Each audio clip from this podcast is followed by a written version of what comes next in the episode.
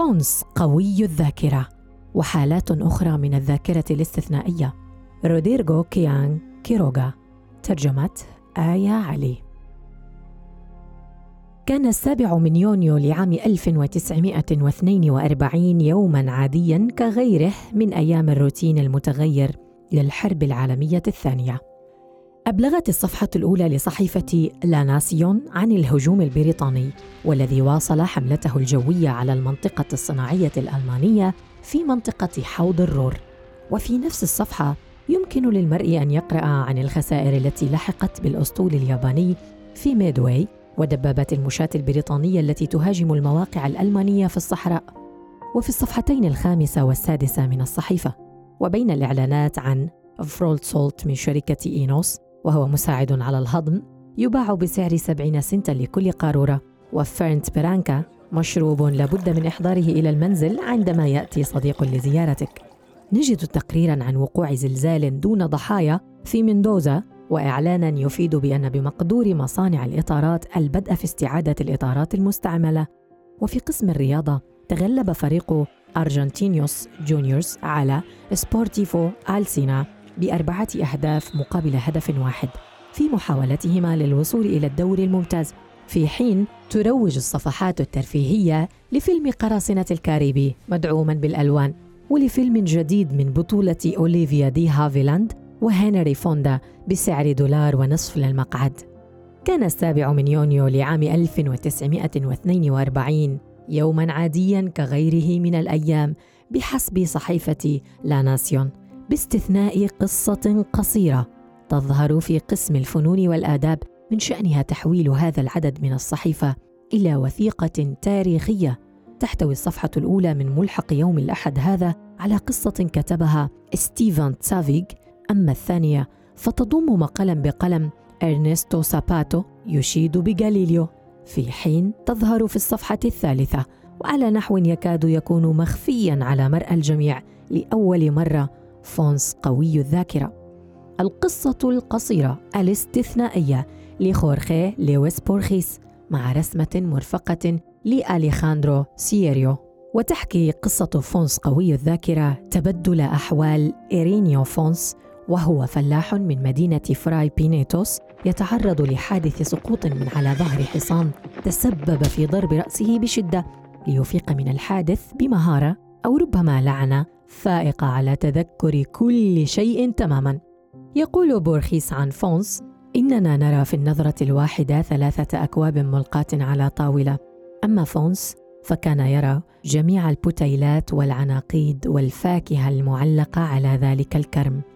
كان يعرف أشكال السحب في الجنوب في فجر يوم الثلاثين من إبريل من عام 1882 وكان باستطاعته مقارنتها في ذاكرته بالخطوط الموجودة على كتاب من غلاف إسباني لم يره سوى مرة واحدة وبالدوامات التي أثيرت بواسطة مجداف في ريو نيغرو عشية معركة كيبراشو.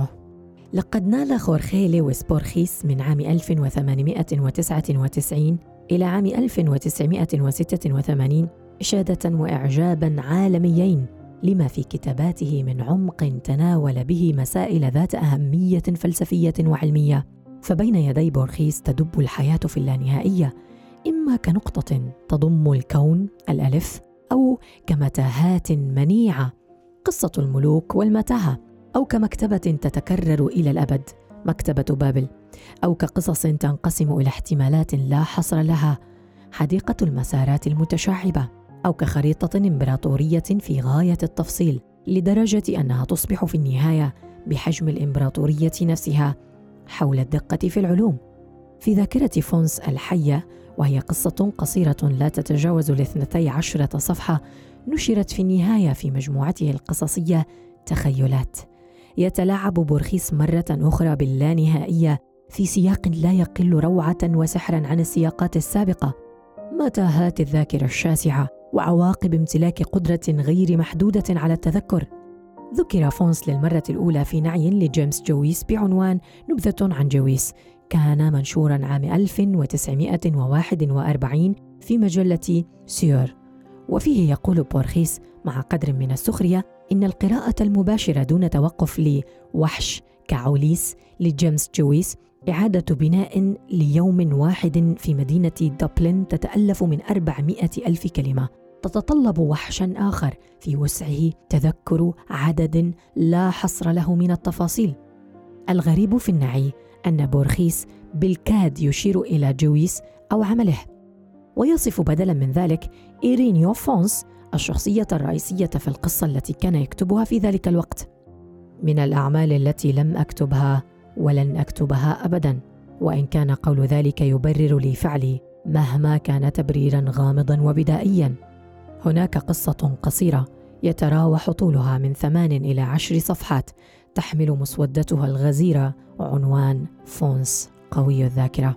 يمكنني وصف الرفيق السحري لقصتي بأنه سلف لرجال خارقين.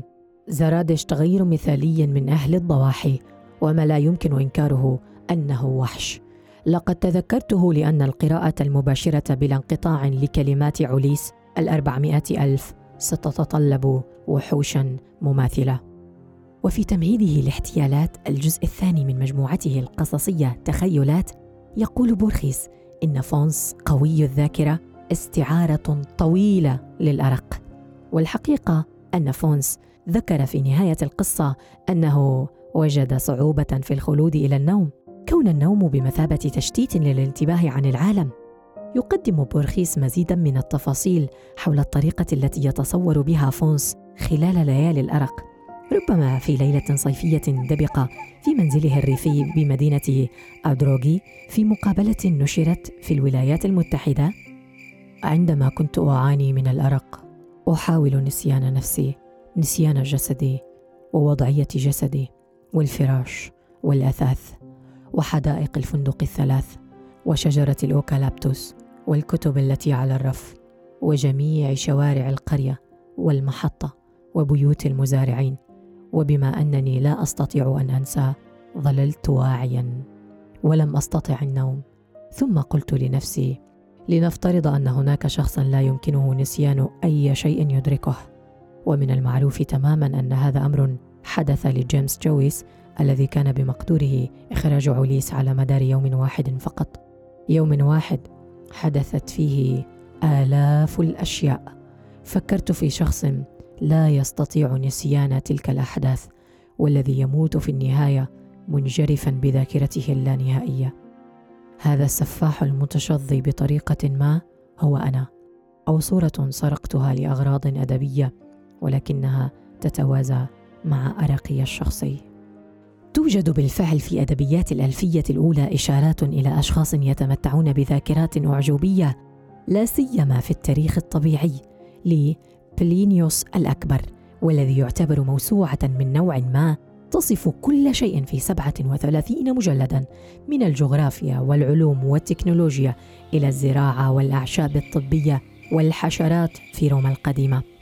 في الفصل الرابع والعشرين من المجلد السابع في موضوع الذاكرة يذكر بيلينيوس الملك كورش ملك بلاد فارس الذي كان يعرف أسماء جميع جنوده وشيبيون سيكييبو الإفريقي الذي كان يعرف أسماء جميع الناس في روما وسينيس سفير الملك بيروس والذي أصبح يعرف أسماء جميع أعضاء مجلس الشيوخ الروماني بعد يوم واحد فقط من وصوله إلى روما وميثراداتس السادس الذي طبق أحكام العدالة بالاثنتين وعشرين لغة التي تتحدث بها إمبراطوريته وسيمونيدس مخترع فن الاستذكار. وشرامادس اليوناني الذي كان يتلو أي كتاب من المكتبة عن ظهر قلب كما لو كان يقرأه مباشرة. يعتبر بيلينوس امتلاك ذاكرة استثنائية نعمة في الواقع يبدأ المؤلف الفصل الرابع والعشرين من المجلد السابع بقوله أما فيما يتعلق بالذاكرة النعمة الأكثر ضرورية للحياة فليس من السهل تحديد الأكثر تميزا فيها إذ اكتسب كثير من الناس شهرة بسببها. يصف بلينيوس أيضا هشاشة الذاكرة مستندا إلى حقيقة أنه يمكن فقدانها كليا أو جزئيا بسبب المرض والإصابة وحتى الذعر. وكمثال على ذلك نجده يروي قصة رجل فقد القدرة على تسمية الحروف بعد أن ضربه حجر وآخر نسي بعض الأشخاص بعد سقوطه من على سطح. كما يذكر بلينيوس أيضا ميسالا كورفينوس الخطيب الذي نسي حتى تذكر اسمه. من المعروف عن بورخيس افتتانه بالموسوعات وبالتاريخ الطبيعي والتي ربما تكون أول موسوعة في التاريخ والتي ذكرها في الحقيقة في قصته فونس قوي الذاكرة. يطلب فونس من الراوي بورخيس أي نص لاتيني فيلزمه بورخيس بالمجلد السابع من موسوعة بيلينيوس والقاموس الموسوعي للمفردات لكويشيرات ليصاب الفلاح بخيبة أمل صادمة عند اكتشافه أنه لا يمكن تعلم مثل هذه اللغة المعقدة باستخدام كتاب وقاموس فحسب غير أن فونس يرحب ببورخيس في اجتماعه التالي معه بالقراءة اللاتينية الممتازة على نحو ساخر فيقول ut nihil non iisdem verbis redderetur auditum والتي تعني حرفيا لا يمكن تكرار شيء سمع من قبل باستخدام الكلمات نفسها.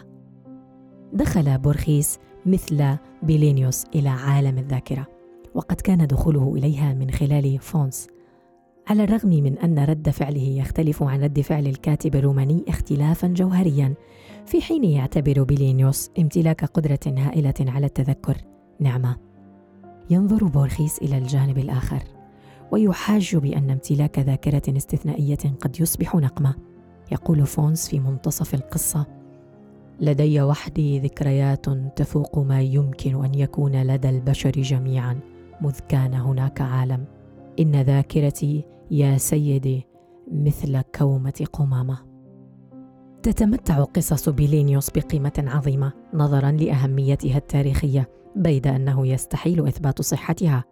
والحقيقة أن الشخصيات الموصوفة في التاريخ الطبيعي تبدو أسطورية أكثر من كونها حقيقية وربما يجعلها هذا تثير فضول بورخيس على نحو أكبر. يرجع هذا إلى حد كبير إلى حقيقة أن العديد من أوصاف بيلينيوس تستند إلى معلومات شفهية ما يحتم وقوع تغييرات عليها أثناء تناقلها. على سبيل المثال عندما وصف حالات الرؤية المذهلة في الفصل الحادي والعشرين من الكتاب السابع كتب بيلينيوس أن إلياذة هوميروس كتبت بخط صغير جدا لدرجة أنه يمكن وضع المخطوطة بكاملها في قشرة جوزة. كما ذكر بيلينيوس كذلك رجلا يدعى إسترابو كان بإمكانه التعرف على الأشياء على بعد 150 و30 ميلا. وكان قادرا خلال الحروب البونيقية على رؤية سفن العدو الراسية في قرطاج من على نتوء بحري في صقلية بل وحتى عد تلك السفن. أما عن أول حالة موثقة توثيقا صريحا للذكرى الاستثنائية فكانت حالة سولمون شيريفيشسكي والذي درسها عالم النفس الروسي الشهير ألكسندر لوريا ابتداء من عشرينيات القرن الماضي. وكما أفاد لوريا في كتابه عقل صاحب ذاكرة استثنائية كتاب صغير حول ذاكرة ضخمة واحد عن الحالة S كما يشير إلى سولمون لحماية اسمه. كان الرجل وعلى خلاف أي شخص آخر يضطر إلى بذل مجهود كبير في حال أراد نسيان أمر ما. كان شيريشيفسكي يتمتع بحالة من الحس المرافق القوي للغاية رابط لا إرادي بين الحواس المختلفة مثل ربط الأرقام بالألوان مما منح ذكرياته محتوى أكثر ثراء وبالتالي جعلها أسهل في التذكر. سمحت هذه الارتباطات لشيريشيفسكي بالإضافة إلى استخدام فن الاستذكار البسيط بتذكر تسلسلات طويلة من الأرقام والحروف بعد سنوات عديدة من سماعها لأول مرة. وبعد دراسة شيريشيفسكي لأكثر من ثلاثين عاماً اعترف لوريا بعدم قدرته على إيجاد حد لذاكرة الحالة S وهو تصريح مفاجئ نظرا لكونه غير صادر عن أحد الهواة. بل عن واحد من أبرز علماء النفس في عصره. هناك أوجه تشابه واضحة بين كل من شيريشيفسكي وفونس وعلى الرغم من حقيقة أن الأول درب ذاكرته على أساس الحس المرافق في حين كان تذكر كل شيء بالنسبة للثاني أمرا طبيعيا وتلقائيا.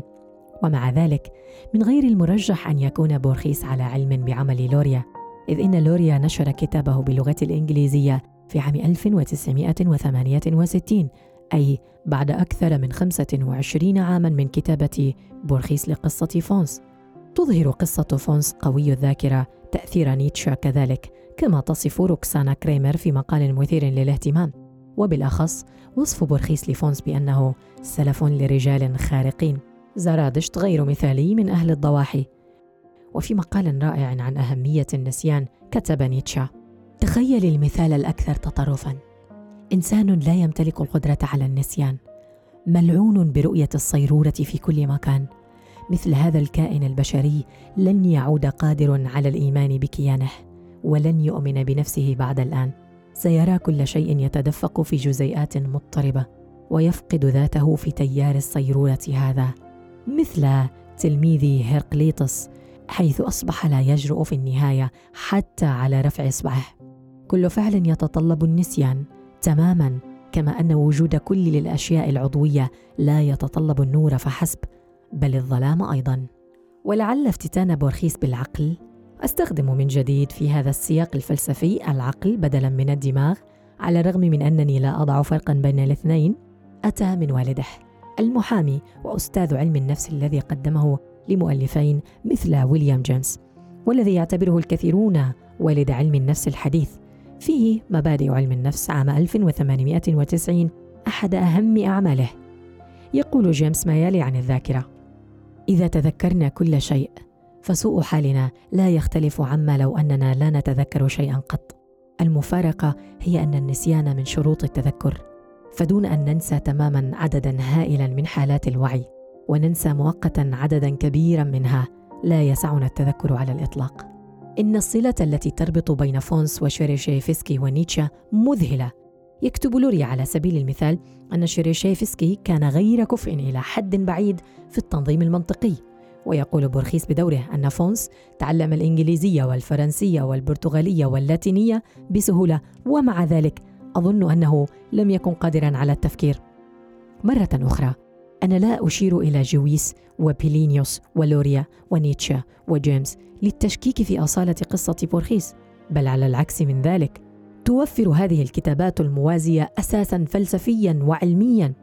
ربما يكون بورخيس قد وجد بعضا من إلهامه فيها وإذا ما وضعنا جانبا مسألة ما إذا كان بورخيس على علم بدراسات لوريا أم لا وهو ما لا أعتقده فلا يسعني إلا أن ألاحظ الوضوح الفكري العجيب. الذي يتناول به موضوعا معقدا مثل الذاكرة في سياق قصة قصيرة. وبالعودة إلى فونس وغيره من الأشخاص الذين يتمتعون بذاكرة استثنائية يجب علينا ذكر بورخيس نفسه الذي كان قادرا على اقتباس مقاطع كاملة عن ظهر قلب باللغات الإسبانية والإنجليزية والألمانية والأنجلو ساكسونية من بين لغات أخرى. وعلى الرغم من احتمالية أن يكون العمى قد ساهم في تكوين ذاكرته المذهلة عدم تشتيت انتباهه عن طريق المحفزات البصرية حيث كان بإمكانه التركيز مثل ديموقريطوس من قبله على أفكاره الشخصية وتيار التذكر لديه. فقد كان إدراك بورخيس اليافع بأنه وعلى غرار والده سيفقد بصره. جعله يخوض رحلة بحث ضخمة عن المعرفة بينما لا يزال بمقدوره الرؤية. تتذكر ماريا كوداما أرملته أنه في أحد لقاءاتها الأولى مع بورخيس طلب منها العثور على مقتطف من كتاب. أخبرها بورخيس أن القطعة كانت بالقرب من صفحة بترقيم فردي تتوسد منتصف الكتاب تقريبا. بدأت كوادما في قراءة صفحة من الكتاب بشكل عشوائي وأرشدها بورخيس على نحو مثير للدهشة إلى الصفحة الصحيحة على الرغم من أنه كان أعمى لسنوات عديدة. وكان كما ذكر عرضا في الصفحة الأولى قد قرأ الكتاب في عام 1916 أي قبل عقود من لقائه ذاك مع كوادما.